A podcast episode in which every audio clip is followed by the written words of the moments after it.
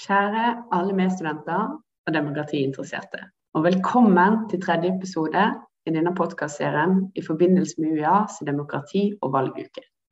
I denne episoden skal vi snakke om media og demokratiet, og hvilke relasjoner de har til hverandre, på godt og vondt. Mitt navn er Linda Lervold, og jeg skal lede ordet her i dag. Jeg er tidligere sosiologistudent på UiA, og sitter nå som nestleder i studentorganisasjonen i Agder. Med dette sagt så vil jeg ønske velkommen til våre kloke og kunnskapsrike gjester som vi har fått med oss her i dag. De skal få lov å presentere seg sjøl, så vi kan begynne med deg, Vidar. Jo, takk. Når du først gir sånne eh, komplimenter og innledninger, så er det jo lett å, å fortelle hvem jeg er. Mitt navn er Vidar Udjus og er politisk redaktør i Federlandsvennen i Kristiansand. Takk, Vidar. Øystein? Ja, eh, det samme. Hyggelig å få være med. Mitt navn er Øystein Øystein Sæbø. Professor i informasjonssystemer her på UiA. Og det vil si at Mitt fag handler om å, ikke om å lage dingser og, og utvikle teknologi, men å forstå på en måte nytten og hva er samfunnsmessige konsekvenser av å utnytte teknologi.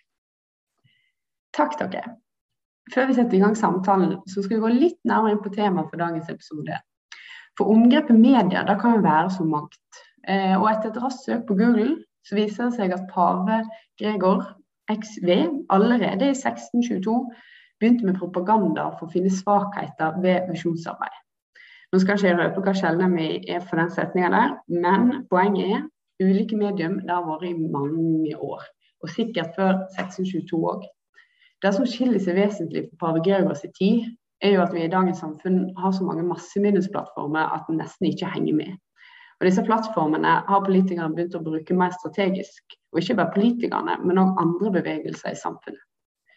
Men dette kan dere mer om enn meg videre, Øystein. Så jeg tenker vi begynner med et lite oppvarmingsspørsmål. Vi kan begynne med deg, Øystein. Når jeg sier mediedemokrati, hva er dine første tanker? Ja, sant. Da får jeg som professor svare jo lengre det er, jo uh, mye mer enn går rundt grøten, jo mindre jeg tydelig har en svar her. Jeg tror nok jeg skal sende ballen videre til, til Vidar, som går direkte der på media. Det som er interessant i forhold til det vi snakker om i dag, det er jo at når vi snakker om demokrati, altså dette her med medbestemmelse, at vi alle er med og at vi har et demokratisk samfunn, så er jo en vesentlig del å ha et politisk ordskifte som fungerer. Det er jo det som på en måte er utgangspunktet for diskusjonen i dag. Det er jo hvordan får vi det politiske ordskiftet til, og medias rolle som på en måte vaktbikkje, eh, kanal hvor diskusjoner kan foregå, hvor folk kommer til orde. Det er jo det som har vært interessant og når vi snakker om, om, teknologien. Hvordan det da skjer i det teknologiske rom og sosiale medier og greier. Så Det første som slår meg inn, er jo, med mitt utgangspunkt, er jo å se på hvordan kan vi få til en god politisk dialog ved bruk av disse sosiale mediene og bruk av teknologien? Det er det jeg er opptatt av, og som er linken min inn til dette temaet. Og Så tror jeg sender jeg ballen videre til det, Vidar, eh, kanskje enda mer i den mediebiten eh, som jo du representerer tydeligere enn jeg gjør. Jo, eh, takk. og det er, jo, det er jo et enormt stort spørsmål, og et enormt godt spørsmål, og et enormt viktig spørsmål. Og det, det, første som slår meg, hvis du bør om mine, mine, første tanker der, Linda Marie, så er det jo den revolusjonen vi eh, har opplevd nå de siste 10-15-20 eh, årene. Eh, særlig på dette med sosiale medier eh, og de ulike plattformene eh, som, som, vi jo sikkert kommer inn, eh, tilbake til senere i debatten, som, en, en, som i utgangspunktet har et enormt demokratisk potensial, men som også kan eh, medføre store farer. Både manipulering og ikke minst fragmentering. Dvs. Si at eh, vi da får veldig mange ulike plattformer hvor folk ikke møtes, men hvor en da eh, i stedet opplever ekkokamre, eh, og folk som har én felles mening, da i stor grad møtes. Istedenfor det som tross alt er eh, fordelen med våre tradisjonelle medier, eh, og det som er en viktig målsetting med våre tradisjonelle medier, nemlig å stimulere til debatt, ha, eh, en felles plattform hvor ulike meninger brytes. Eh, så, så, så det jeg tenker Det er en av de store, vår tids store utfordringer vi står overfor akkurat nå. Nemlig dette her, som, som du sier, Øystein, er stimuleringen til en politisk dialog få folk til å møte hverandre og på et saklig grunnlag, og, og derigjennom drive samfunnet og demokratiet eh, videre. Men det var kanskje veldig vidt, uh, vidt svar, Lina Marie? Nei, det er helt topp. For når du begynner å snakke om ekkokammer og skape ulike plattformer, hva er de største truslene med det? De største truslene er at man ikke lenger forholder seg til samme virkelighet, eh, etter mitt syn. Og at man eh, menger seg med folk som stort sett mener det samme, og derigjennom jazzer opp og forsterker sitt eget virkelighetsbilde uten at man får brydd sine meninger på andres meninger. Da Jens Stoltenberg var statsminister, så var han på en statsministerduell på UiA mot daværende statsminister Kjell Magne Bondevik. Um, og Noe av det jeg husker fra det Stoltenberg den gangen sa, det var at kompromisser gjør samfunnet bedre. Uh, og kompromisser er jo nettopp et resultat av at ulike meninger, ulike folk møtes, og så, og så brytes meninger mot hverandre, og så kommer en fram til, til konklusjoner som inneholder liksom, ideelt sett det beste fra, fra ulike verdener. Men eh, det er klart at hvis, hvis man ikke lenger eh, har felles plattformer, ref. USA som, som et sånn skrekkens eksempel på hvordan det kan gå, så kan egentlig hele samfunnsordenen eh, i verste fall settes, eh, settes i fare. Men, men, jeg vet ikke, Øystein, fra ditt ståsted, det, jo, hvordan, det, hvordan, opplever du det? Og det er jo sikkert, Vi kunne sikkert stått resten av dagen bare med dette spørsmålet her. For det er jo klart, Jeg er jo helt enig. Det er jo klart at De ekkokamrene det er at vi, og Forskninga viser jo helt tydelig at vi polariseres. Og, og videre Du kommenterer USA, med det er der vi har mest forskning. Vi ser at uh, republikanere og demokratene de snakker mindre og mindre med hverandre. De bor mer og mer i forskjellige strøk. Sant? Så er det selvfølgelig spørsmålet hva er, hva er høna og egget? Uh, er det det at nabolag smitter hverandre, eller er det at vi flytter til? Altså det, det er mange diskusjoner. Men, men polariseringa er helt tydelig, og det, det, det er ingen tvil om at teknologien har bidratt til det. Det er likevel litt sånn interessant. altså Vi, vi bryner ikke meningene våre. Det er jo et stort utfordring. Så tenker jeg jo at av og til så kan vi kanskje ha lett for å tro at alt var så mye bedre før. Sant? At liksom, eh, Både meg og Videre er godt plassert på Sørlandet. altså OK, møter renene som var på bedehus eller i kirka eller rundt i butikk eller på, i Søgne, Sogndal-diskusjonen her lokalt. Altså, Det var jo ikke sånn at vi møttes og bryte meningene våre fullstendig med alle, alle ganger tidligere heller. Så, så, noe av dette tror jeg jo er forsterkning av ting som mekanismer som blir veldig enkle eh, når vi kan gjøre det via nett. Eh, og Det, det tenker jeg vi skal ha med oss. at uh, Vi skal ikke la teknologien ta skylda for alt som er feilt her i verden eh, på den biten heller. Og så tenker jeg jo kanskje Du sa innledningsvis videre, så sa du noe om ti år.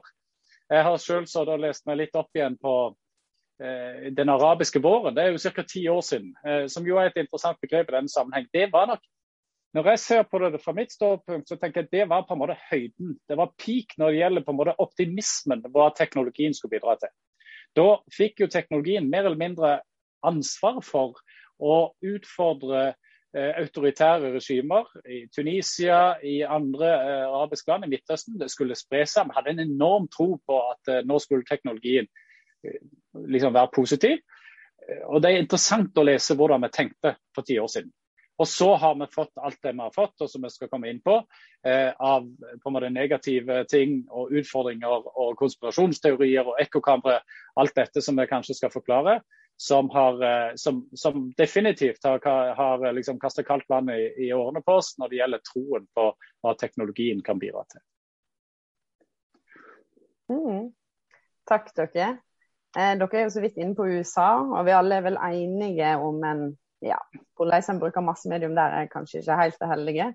Men hvis vi beveger oss til Norge, så er jo det er jo et land med høy tillit til staten. Altså Hvordan tror dere det påvirker måten vi møter massemedium? Altså både for politikerne våre, men òg andre bevegelser i samfunnet. Kan det påvirke den tilliten vi bruker masse medium. Øystein, vil du begynne? Ja, ja det, det, er, det, er, klart det kan påvirke tilliten. og er Vi er jo midt oppi interessante ting. Det er jo klart når Ting vi skal forske på framover, er er jo koblet til korona. Vi kommer til å se nå tipper jeg mer enn jeg vet, men vi kommer til å se at samfunnet som har høy tillit, klarer seg mye bedre. Det har rett og slett direkte utslag på dødsrate og på vaksine og alt mulig annet, at vi har høy tillit. Dette er skjørt, på en måte. Er, media har en kjempeviktig rolle. og det er klart at eh, Eksempler på ekkokamre og på konspirasjonsteorier utfordrer den tilliten. Eh, men det er jo klart et kjempeproblem med f.eks. amerikansk virksomhet. Jeg har lyst til å peke på én ting, kanskje jeg glemte litt i stad, som er kobla til dette.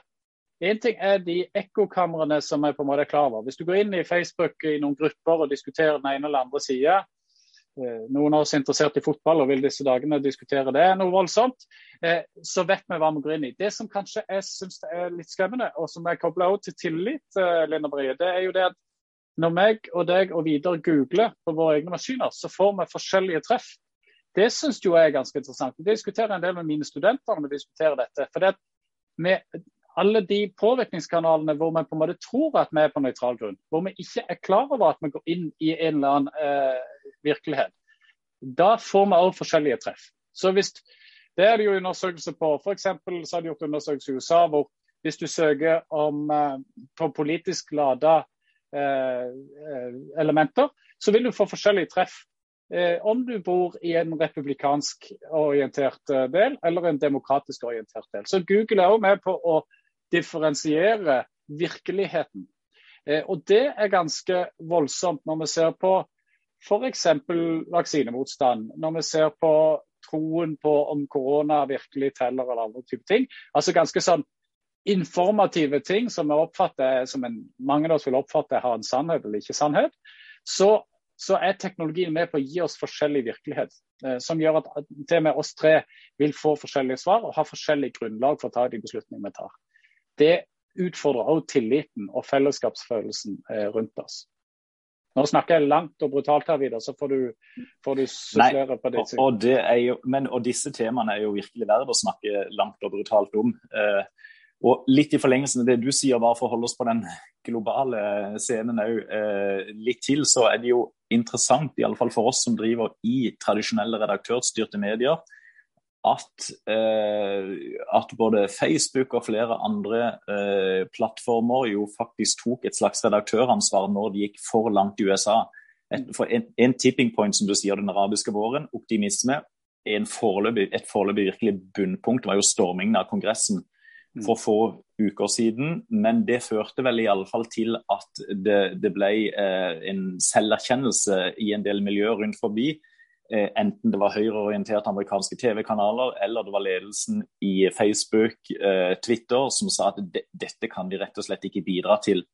Eh, vi har et samfunnsansvar. Vi kommer nå i fall til en viss grad til å gå inn og, og ikke bare merke meldinger som i strid med virkeligheten, men òg rett og slett fjerne enkeltaktører med Trump i spissen fra, fra våre plattformer. Så, så, Sånn sett har det jo ført til en interessant eh, refleksjon og selvransakelse også, de, og, også på, på, det planet. Tilbake til her i Norge, veldig enig i dette her med betydningen av eh, tillit. Og, og, der har vi en, en, viktig, men vanskelig oppgave, vi i media. For vi skal jo både ettergå myndighetenes eh, myndighetsutøvelse, være kritisk organ, samtidig som vi jo skal eh, i best mulig grad presentere et sannferdig bilde av Eh, virkeligheten, og hva er nå det? Og, og hvilke, hvilke, vinklinger har vi når vi presenterer saker? Da vil jo ofte politikere som kommer dårlig ut, mene at det, det er en helt feil vinkling, en elendig vinkling.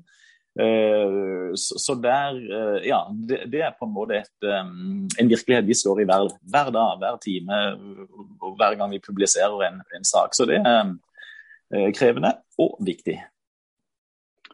Men eh, det, og det er jeg litt interessert i fra ditt standpunkt, Vidar, du snakker om denne her virkeligheten. Altså, hvor, I hvilken grad blir dere som mediehus påvirka av sosiale medier og den debatten? Altså for har jo dere hatt en diskusjon om debattfelt og hvordan det skal håndteres. og eh, det, det, er jo egentlig litt i den samme debatten som Facebook må forholde seg til, som dere også står oppe i denne diskusjonen om hvor går grensene? Hva skal være innenfor? det risikerer jo på en måte å forskyve den debatten over til andre forum, som blir ekkokamre, istedenfor å ha en åpen uh, og sette lys på Kjempe, Kjempegodt spørsmål. Vi har brukt enormt mye tid på det med disse her kommentarfeltene, som vi jo hadde åpent veldig lenge. Uh, etter hvert så valgte vi, som veldig fleste andre mediehus også har gjort, å stenge kommentarfeltene. Og igjen, eh, som resultat av en sånn tidslinje hvor vi gikk ifra sånn å ja, hurra, her kan vanlige folk komme i direkte kontakt med politikere, eh, og det kan bli en helt unik kanal. Til, og, og, Helt i begynnelsen så, vi, så, trengte jo ikke folk identifisere seg engang. De kunne kalle seg Tordivel 97 og si de mest utrerte ting. Så eh, stramma vi inn og sa at alle må eh, logge inn, må identifisere seg, så vi vet hvem det er som snakker. Det var omstridt. Eh, og så gikk det på sitt vis, så, men så, så, brukte vi etter hvert enormt mye ressurser på å holde den, eh, det ordskiftet på et relativt saklig nivå. Eh, en del innlegg, etter hvert ganske mange innlegg, var jo, var jo helt altså sånn at vi måtte, vi måtte virkelig bruke mye ressurser på det, for det ble så hatefullt til dels en del debatter, og dessverre på de debattene som egentlig har best debattpotensial lokalt i, i politikken. Um, og, så enormt mange innlegg som er sånn ja, Er det innenfor Ja, det er vel ikke akkurat personangrep, så sånn sett er det innenfor, men samtidig så er det, er det en sånn debatt vi vil ha. Nei. Eh, så vi ble gradvis strengere, men etter hvert så, så vi ikke noen annen utvei enn å lukke debatten. Fordi at vi rett og slett så at det ikke bidro til demokratiet. Tvert imot, det, det skremte vekk. Mange, Vi fikk enormt mange tilbakemeldinger fra folk som ikke turte å delta i debatten, for de var redde for å, få, å bli æreskjelt av en del aktivister som, som, i stor grad dominerte kommentarfeltene. Så har vi jo nå de siste månedene åpna noe som heter, eh, som heter eh, debattstudio der åpner vi enkelte saker for debatt. Hvem som helst kan skrive inn, det må identifisere seg. Og så sitter en av oss i redaksjonen hele tida og gjeter den debatten. Eh, og svarer opp på innlegg fortløpende. Vi inviterer gjerne inn myndighetspersoner som kan svare. Og dette her er debattstudio på alt fra folk som lurer på eh, veldig mange forskjellige ting om koronapandemien. Eh, Hva er status nå? Hva er smitteverntiltakene nå? Kan jeg reise på hytta sammen med ti venner osv.? til aktuelle eh, lokalpolitiske spørsmål. Så, eh, og det har heldigvis vist seg å fungere eh, veldig bra. Vi har fått inn mange nye eh, debattanter, vi har fått inn flere kvinner. Eh, som var mangelvare i de gamle kommentarfeltene. Så det håper vi og tror, iallfall per nå, kan være en, en, en vei å gå framover. Mm. For du er jo egentlig så vidt inne på det neste jeg tenker på, det med nettroll. Våre berømte nettroll. Er de en trussel? når du snakker om kommentarfelt videre? Ja, nettrollene er en forferdelig stor trussel eh, mot det åpne, frie ordskiftet hvor, hvor, hvem som helst skal føle seg frie til å kunne delta i, i en hvilken som helst debatt. Eh, og, og, og, det går, og, dette her går på et sånn spenn ifra, ifra lokale eh, hva skal si, ifra lokale eh, aktører og aktivister som, og det, kan, det, kan, det kan også være folk som bare som er så ivrige at de klarer liksom ikke å begrense seg, men, men, at effekten er en, en, voldsom dominans, og at de skremmer vekk andre. Til at de eventuelt prøver bevisst bevisst, bevisst å gå på person, person, person istedenfor sak til sak til sak. Og, og, helt opp til, til, den globale scenen. Jeg vet ikke om dere har sett den dokumentaren som ligger på NRK eh, TV nå om den saudiarabiske kronprinsen, som jo åpenbart sto bak drapet på eh, Jamal Khashoggi.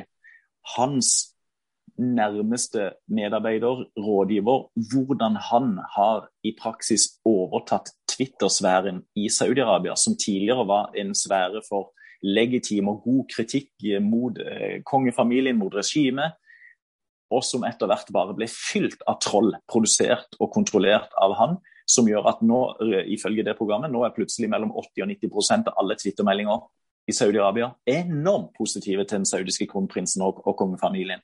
Så, så det, det, har et enormt spenn, eh, sett fra mitt ståsted. Men vet ikke, Øystein, hvordan ser du eh, akkurat den dimensjonen? Jo, og det, vi, blir noe, vi, blir jo lite uenige her på disse tingene, helt sikkert. Det, det er jo klart at hvert troll er et problem. Men eh, kanskje vi har behov for å pakke opp det liksom, begrepet. Altså, Vi snakker om troll som én ting. Jeg hadde med meg Trine Skei Grande nettopp til gjesteforeleser, eh, som fortalte om hvordan det, hvordan det, er å være kvinne i politiker. Du nevner dette med flere kvinnelige stemmer, eh, Vidar kjempeutfordring. Eh, ung kvinnelig representant nå. Jeg har selv intervjua flere. Eh, det går på kropp, og det går på sex og det går på veldig mange ting med en gang. Og de gir jo opp. og Det er jo et kjempedemokratisk problem eh, at 25 år gamle jenter ikke går inn i politikken. Det er mange grunner til det, men også fordi mediebildet er som det er. Eh, og, og, Det var interessant å snakke altså med Trine Skei Grande, som har vært i gamet lenge. og snakke litt om hvordan det gjorde. Jeg nevner henne fordi hun sa at hun veldig ofte, ofte oppsøkte disse nettrollene. Ringer til dem, ringer på døra, går og snakker med dem. Eh, og hun sitt innspill i den sammenhengen var å se veldig mange av de som hun da oppsøker, sier hun og refererer til hva hun sier, men det er interessant, eh, har en eller annen dårlig opplevelse. Eh, det, det ligger en sak bak, og det er jo interessant. Så det vi vet er at liksom, Hvis vi skal snakke om disse nettrollene, vi ser jo ofte på som liksom noen sånn det er jo, Unnskyld uttrykket 'stakkarslige menn rundt 50'. Eh, det er jo, det er jo, det er jo snart oss videre som eh, blir nettroll i vår alder. Eh, det, vi ser på de som det. Men de har, hvis vi skal gå litt i de, Ofte har de en sak. Ofte har de en dårlig opplevelse med, med myndigheter. En, en eller annen personlig sak. Ofte så tror vi at de har vanskeligheter for skriftlig kommunikasjon. Altså, Livets glade skole, Øystein. Ja, liv, ja, det kan du si. Men, men, det de, men, det at de, ikke er så flinke til å skriftlig uh, uttrykke seg, gjør, skaper en del problemer. Det er òg en ganske vesentlig ting å ta med seg. Og så vet vi fra forskninga at en god del av de har rett og slett eh, Det kan være sykdom, psykopatiske trekk og andre ting. Skal definitivt ikke si at alle har det, men, men det er et element. Det er den, det er den enslige rutteren, den der 50 år gamle mannen som sitter der og kaster ut drit. Den andre nettrollet er jo et mye mer strategisk eh, element. og Det er jo det, når du snakker Saudi-Arabia eh, videre, det er jo den strategiske bruken av det. Det er jo alt som er når Russland hacker hos oss. Facebook eh, hadde også med meg Marianne Nærvold nettopp, som er politisk sjef i Facebook Norge, og snakker om det. De stengte altså flere milliarder falske kontoer i fjor.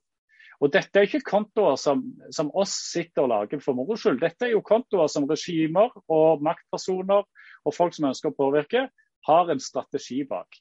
Som gjør at du får et enormt klikksamfunn, som gjør at du får likes, som gjør at du kommer opp i Google Streams sant, og blir synlig fordi du er, du er, du er kommet opp der. Så, så, vi må altså forstå hva er nettholdet. Det er, det er nok både den enslige rytteren, men det er nok òg et større strategisk, politisk Eh, og maktpolitisk eh, element. Vi, der tror jeg nok vi som samfunn er litt naive. Eh, liksom, jeg ser jo selv på UiA, vi er jo kjempefornøyd hvis det kommer så og så mange klikk. eller, altså Vi teller på den måten uten å på en måte spørre oss selv hva er det egentlig som, som ligger bak av mekanismer her. Takk, Øystein. Men dere, nå er vi veldig på den der, de mer negative sidene med sosiale medier og massemedium. Kan vi gå litt mer over til den positive sida? Hva er det positive med disse, alle de massemediene vi har? Jeg tenker at Potensialet er enormt på den positive sida, med, med, den muligheten for direkte kontakt mellom velgere og politikere, mellom velgere og andre typer beslutningstakere. Um, men jeg opplever nok fra, fra myndighetsside og fra politikeres side, og det, går, og det, går, også på politikere i Kristiansand, og sikkert av gode grunner, men at de også etter hvert har blitt litt eh, skremt og er litt eh, tilbakeholdne egentlig med å bruke sosiale medier av, av frykt for å delvis oppleve det som, som Øystein snakka om nå, og delvis òg for, eh, for, ja, for, å oppleve usakligheter eh, osv. og For, for å trekke tråden tilbake inn til våre tidligere kommentarfelt der prøvde vi inn mot sist eh, valg, det siste kommunevalget i Kristiansand. Før det hadde vi et møte med stort sett alle listetoppene i Kristiansand. Og ba de om å gå inn i kommentarfeltene og delta aktivt der. Fordi at det var vår erfaring at jo flere saklige stemmer som kom inn, jo mer saklig kunne debatten bli. Eh, og noen av de gjorde det, men, men ga opp. fordi altså, de, de, ble egentlig eh, Ja, de syntes ikke det var, ikke var bryet verd. Eh, så, så, det eh, men også i de her nye debattstudiene våre så opplever vi at når en følger tett på, og, eh, og, og der har vi muligheten til, og vi bare publiserer egentlig konstruktive, OK, gode kommentarer, da, det setter veldig mange stor pris på. Og, og derigjennom kan de komme i kontakt med myndighetspersoner som vi veldig generelt, så det er et grovt bilde, men vi syns nok at de har et stykke å gå på der når det gjelder vilje til å faktisk gå inn i løpende debatter for å bidra med saksopplysning, og derigjennom også bidra til en mer saklig, saklig debatt. Og Det vil jeg jo selvfølgelig bare følge opp. det er jo klart det der, Tilgangen er jo helt fantastisk. Jeg tror jo vi bare glemmer det det er, utrolig at du er ett klikk unna en stortingsrepresentant fra Sørlandet eller hva som helst. Og de svarer, de svarer jo. Eh, altså, jeg, jeg, benytter det jo selv i jobbsammenheng og får mye svar veldig kort. Og så er Det jo klart at det er en enormt potensial til å fange opp de som opplever at de er utenfor. Og det er jo der vårt lokale eksempel, Sørlandsnyhetene, det er jo interessant å dra fram det når du spør om de positive ting. men sant, som ble en slags voldsom kraft- eller diskusjonselement, iallfall rundt sist valg. eh, Facebook-side som skulle ha alternative nyheter, og som, som nok påvirka valget. Det, det, må vi nok kunne si lokalt. Eh, men det, det, de gjorde, det var jo at de starta opp med å skulle være et alternativ for alternative nyhetsmeldinger, alternativ for folk som følte seg utenfor. Jeg vil jo si at det i utgangspunktet er positivt at vi har teknologi som kan gjøre noe med det. Grunnen til at jeg sitter her er jo fordi jeg har sett på Femstjernersbevegelsen, en italiensk bevegelse som egentlig starta med samme utgangspunkt, og som nå sitter med 30% av stemmene og sitter i regjering. De har jo bl.a. vært veldig opptatt av åpenhet. Det er definitivt ikke anonyme innlegg. Det skulle være åpent, de skulle vise hvordan pengene blir brukt. De har utvikla ganske mye teknologi for de ser Facebook og Twitter funker ikke. De, vi må ha teknologi for avstemninger, vi må ha teknologi for å lage lover.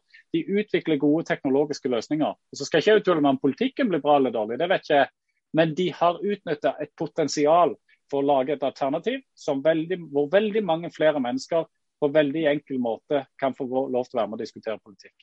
Brukt på en god måte er det et fantastisk demokratisk mulighetsrom de sosiale mediene vi omgås med veldig enig i det, hvis jeg bare kan bryte inn eh, Linda Marie. fordi at jeg tenker for, for Når du Øystein, nevner Sørlandsnyhetene, eh, og så er jeg helt enig, det er eh, Og vi, vi som en sånn hva skal man si, tradisjonell monopolavis eh, i, i Stor-Kristiansand, har veldig godt av konkurranse. Eh, absolutt. Og det ville også gjort oss eh, bedre. Alle blir jo bedre av, av konkurranse det, så, så, utgangspunktet var egentlig OK med Sørlandsnyhetene. Og så, eh, så, ble de jo tvert imot eh, en aktør som etter mitt syn eh, under, bidra, prøvde å undergrave demokratiet ved at de slipper til anonyme innlegg, slipper til konspirasjonsteorier, udokumenterte påstander, direkte løgner. Og ikke minst utestenger folk fra kommentarfeltet som er kritisk til deres virksomhet. Og Da er en liksom på et, på et helt annet plan. Da er en ikke en styrke for demokratiet, da er en, en fare for, for demokratiet. Men, men eh, potensialet der og muligheten der, absolutt. absolutt. Og Det er veldig interessant det eksempelet med, med femstjernersbevegelsen, som jo har som du sier, virkelig er blitt en, en stor, reell plattform og da også makt, eh, fått makt i, i et så stort land som Italia. Mm. Og så tror jeg jo også vi, vi kanskje av og til glemmer hvor fantastisk det er å ha tilgang til nyheter. Altså, vi er gamle nok, vi to som sitter her, til å huske hvordan det var. og jeg har selv tatt buss til tre mil for å slå opp i et leksikon. Altså, det var jo sånn skolen var. Men vi tar det så for gitt at en 15-åring kan finne alternative nyhetskilder. Kan finne en stemme. Skolen kan, En ungdomsskole kan snakke med en skole i Jemen hvis de vil. Altså, det er jo en enormt mulighetsrom som underbruker eh, i stor grad, synes jeg, da, til å utnytte de positive sine. I skole, i media demokratiforståelse, finne alternative stemmer. Vidar sitt F-vernsvenn har kjempegodt av å bli utfordra på at en finner alternative stemmer. Og så er det bare så trist da, at Sørlandsnyhetene sporer av før de var ute av stasjonen.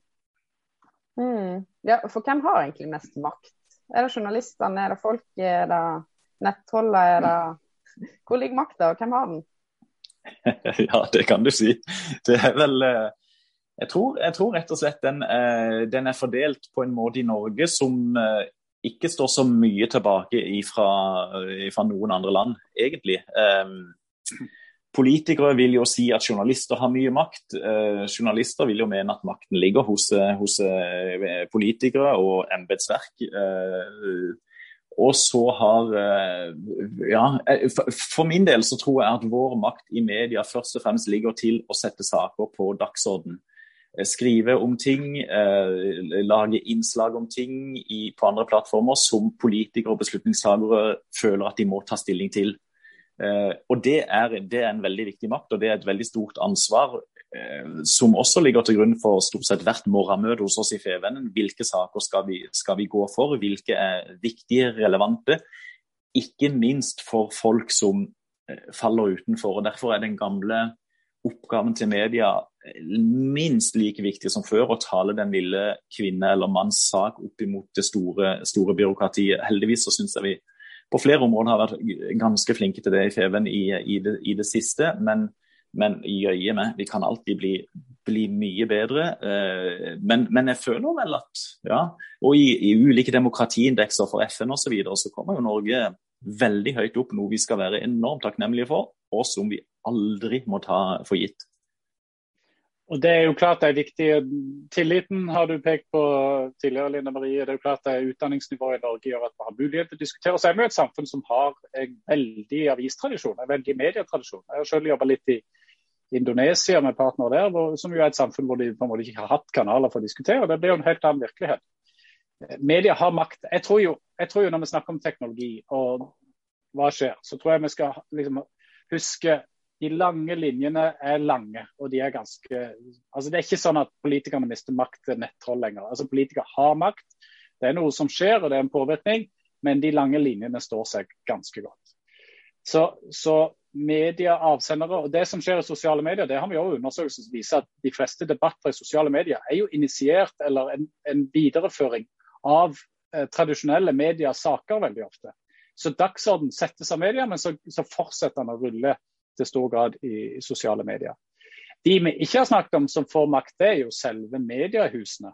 Det er klart at Google, Facebook, de store altså big tech-firmaene som sitter på all informasjonen av oss, som vet før du har fortalt dine foreldre at du er gravid, si, så, så, vet jo Google det, for da har du begynt å søke. Før du har eh, ja, Hva du nå gjør i livet ditt, eh, så ligger det der. Så Det er jo klart det, det, er jo en sånn faktor vi skal ha med oss, at de, også som samfunnsaktør. det er den at De utnytter og lager proaktive tjenester og forteller oss og prøver å tippe om hva vi er interessert i i morgen. Det vil jo kunne påvirke oss og kanskje litt sånn, gå litt under radaren på den enkelte av oss, men i det store bildet ha ganske stor påvirkning på hvordan vi tenker og hva vi gjør. Takk, Sophie. Ja, kan jeg bare si en kjapp ting òg, Linda Marie? For uh, i, og med at, uh, ja, i og med at uh, et viktig tema her er altså studenter og det å aktivisere seg lokalt politisk, delta i, i valg til studenting osv. Så, videre, så vil jeg også si at det er egentlig en undervurdert kanal for innflytelse. Det å rett og slett melde seg inn i et politisk parti hvis en er interessert i det. Det gir, det gir også ganske store muligheter. som F.eks. her i Kristiansand så kan du da gå på gruppemøte hver mandag ettermiddag. Så har alle partiene i Kristiansand bystyre de har gruppemøter. Der kan alle medlemmer delta. Og det er ikke så skrekkelig mange som deltar. Så hvis du da går inn der og brenner for en sak, eh, og er medlem av et parti som er i bystyret, kanskje til og med et relativt stort parti i bystyret, så har du altså eh, en OK mulighet til å utøve innflytelse, komme i kontakt med, med, med, med viktige folk der og da eller f.eks. I, i, i studentting, om du, velger å engasjere deg der. Så den gode, gode, gamle manuelle måten skal heller ikke um, undervurderes. Og det tror jeg jo uh, fortsetter på det da, Hvis vi skal oppfordre studenter til å være aktive, så må jeg jo si at det er jo veldig interessant nå for stortingsvalget å se alderen på førstekandidater og andre kandidater på, fra Sørlandet. For der er det jo masse unge stemmer, det er masse kvinner, og det er jo folk som har bakgrunn fra studentaktivitet på UiA. Så liksom, det er, det er, kort vei til makten hvis en går de tradisjonelle veiene. Og jeg tror, jeg tror, det er viktig det du sier videre, at til sjuende og sist så er det jo de kanalene som faktisk har makt. Det er ikke å sitte på gutterommet og taste inn flest mulig Twitter-meldinger. Det klarer Trump å få mye ut av, men for de fleste av oss så jo det, forsvinner jo det liksom i den store mediebildet, mer enn at det blir omsatt til direkte makt.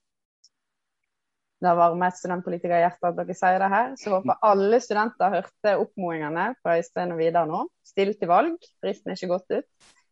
Eh, men dere, det er én ting jeg vil òg ta opp. Som, eh, for Jeg hørte på en podkast for noen uker tilbake. Selvsagt ikke en like god podkast som den her. Men der ble det gjennomgått de største truslene mot Norge i 2021 av PST. da, Eller de potensielt største truslene. Eh, også En av disse eh, som ble nevnt, truslene, gikk på da hvordan andre land kan tukle med tilliten internt i staten vår. Med f.eks. spre fake news på sosiale medier, som gjør at folk da på en måte vender seg vekk fra staten og skaper den mindre tillitsbåndet. Hva tenker dere om det, Øystein? Eh, det er interessant. Og det er jo klart at uh, det, vi har jo den, den direkte Altså det kan trekkes til Russland, som jo nå antar prøve seg mot Stortinget, hacke Stortinget. Eh, og regjeringen har jo plassert ansvaret til Russland. Så kan du liksom spørre hva skal Russland med liksom, å se e-poster til stortingsrepresentanter? Sannsynligvis ingenting. Men det de skal, det er at de skal utfordre oss på å destabilisere våre institusjoner og utfordre den tilliten. Altså skape røre. Eh, nå legger jeg mye i russerne, men det er den type virksomhet eh, vi kan se mye av. Eh, en sånn indeks som er litt skremmende, er jo en indeks hvor de spør unge mennesker rundt i verden om hvilken type samfunn er best å leve i. Eh, og Der går det ned på de som sier eh, som er helt tydelige på Det går ned på to ting. Det går ned på de som sier at demokrati er det beste. Det er fremdeles høyt, og det er høyt i Norge, men tallene går litt ned. Det som kanskje går enda mer ned, det er når folk blir spurt finnes det alternativer. Og Da er det flere og flere som vil, vil peke på at ja, demokrati er best, men vi kunne også levd med mer autoritære måter å tenke på. Det må jo jeg si med mitt forskerhode jeg syns det er ganske spennende og ganske utfordrende. Og, og blir forklart som en, et svar på sånn medieforståelse. Det blir så Kanskje fordi det blir så mye støy, det blir så mye annet. Og så har vi sittet i en koronasituasjon hvor vi trenger sterke ledere. Det er mange ting til dette. Så, så åpner folk opp for kanskje miste syn på det prinsipielle og sier ja, vi kunne sett for oss andre styremåter. Vi kunne levd i mer autoritære sammenhenger. Som, eh, som jeg syns vi skal, vi som universitet og, og andre har ansvaret for å stå imot, eh, hvis vi tar utgangspunkt i den tradisjonen vi har som et demokratisk samfunn. Absolutt. Og det er jo, eh, det er jo så svære dimensjoner over dette her eh, at en kan jo egentlig bli helt svimmel når en ser på, på hva som kommer fram og hva som blir avdekka rundt forbi. Men men igjen, nede på vårt, eh, på vårt nasjonale og lokale nivå, så, så, tenker jeg igjen at vi er tilbake til det vi òg vel begynte litt eh, samtalen med, altså nettopp eh, betydningen av tillit. Og så tenker jeg også på den viktige debatten som har gått, eh, og som det heldigvis jo er stor enighet om, men, eh, men, altså dette med at elever allerede fra de er små læres opp i evne til kritisk tenkning, kildekritikk, Eh, hvordan kan vi sjekke at det en leser på internett er riktig, eller hvordan kan en ha et bevisst forhold til hvem som skriver det og hvorfor? Det, tror jeg bare blir viktigere og viktigere eh, lokalt, nasjonalt eh, og ikke minst for, for, et land som er veldig godt vant når det gjelder, når det gjelder tillit og, og åpenhet. Og så tror jeg vi må finne gode måter å, å bygge den tilliten på. Vi, vi, har hatt noen litt sånn famøse bystyremøter og formannskapsmøter her nede. hvor, hvor liksom plutselig alle kan sitte og se på sånn som dette, og så har det vært dårlige debatter. Og så stiller spørsmålet hva gjør det med tilliten til det politiske system. Igjen, Det er et godt spørsmål. Jeg har studenter som ser på akkurat disse sakene nå. Men igjen så tenker jeg vi må, finne, vi må utvikle teknologi som også bidrar til å bygge den tilliten. Hvis noen sitter og ser på oss tre eh, på disse skjermene sånn som dette i to timer, så vil de jo finne mye som fungerer og ikke fungerer. Eh, det er veldig nærsynt. altså Den måten å gi oss innsikt i de interne prosessene eh, er ikke sikkert det er den beste. Altså, det kan være vi skulle finne bedre teknologi for å bevare den tilliten. La folk gjøre det bakromsarbeidet uten at det er på skjermen. Så den der åpenhet for alt og liksom legge alt ut, det er ikke sikkert det i seg selv er, er svaret. Takk. Oh, jeg kunne sittet i flere timer, merker jeg. Vi masse vi skulle diskutert. Men vi må begynne å runde av, tror jeg. Eh, så jeg vil avslutte med en påstand eh, som jeg kasta ut. Som lyder som følger. Noen mener at sosiale medier gir nye muligheter for demokrati i form av engasjement og deltaking i offentlig rom.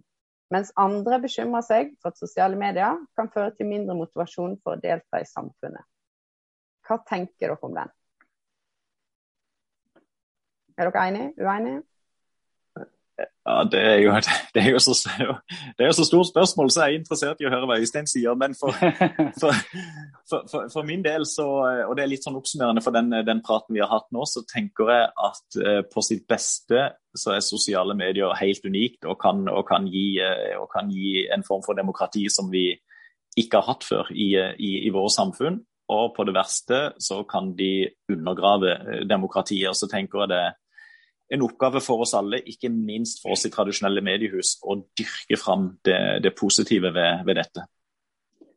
Det tenker jeg. også. tenker Når jeg er opptatt av dette med teknologi og organisering av teknologi, så, så håper jeg at vi ser nye verktøy som er mer spesialiserte til å gjøre den jobben vi trenger i en demokratisk situasjon. Altså, Facebook Twitter ble ikke lagd for dette. De er lagd for å tjene masse penger, eh, og de er lagd for masse forskjellig. De har helt annet utgangspunkt. Jeg tror at hvis vi utvikler og organiserer teknologibruken sånn at vi klarer å få tak i de gode, Det er 1000-kronerspørsmålet. Det er hvordan få folk til å holde seg til sak, hvordan få folk til å høre på hverandre, ha respekt for hverandre. Hvordan utvikle, lage verktøy som utvikler et argument fra liksom, argument A til argument B. Eh, jeg har selv sett på hvor fort Facebook-debatter faller av. Det er to og et halvt innlegg, så jeg holder på med noe helt annet. Utvikle gode verktøy til å få de positive sidene, før de negative sidene har spist oss opp og skapt for store problemer for oss som demokratiske samfunn. Supert. Der tror jeg, tror jeg vi har avslutninga vår. Eh, så tusen takk for at dere tok dere tid til å være med på podkasten. Det var spennende og kloke tanker. Så takk for i dag, alle lyttere.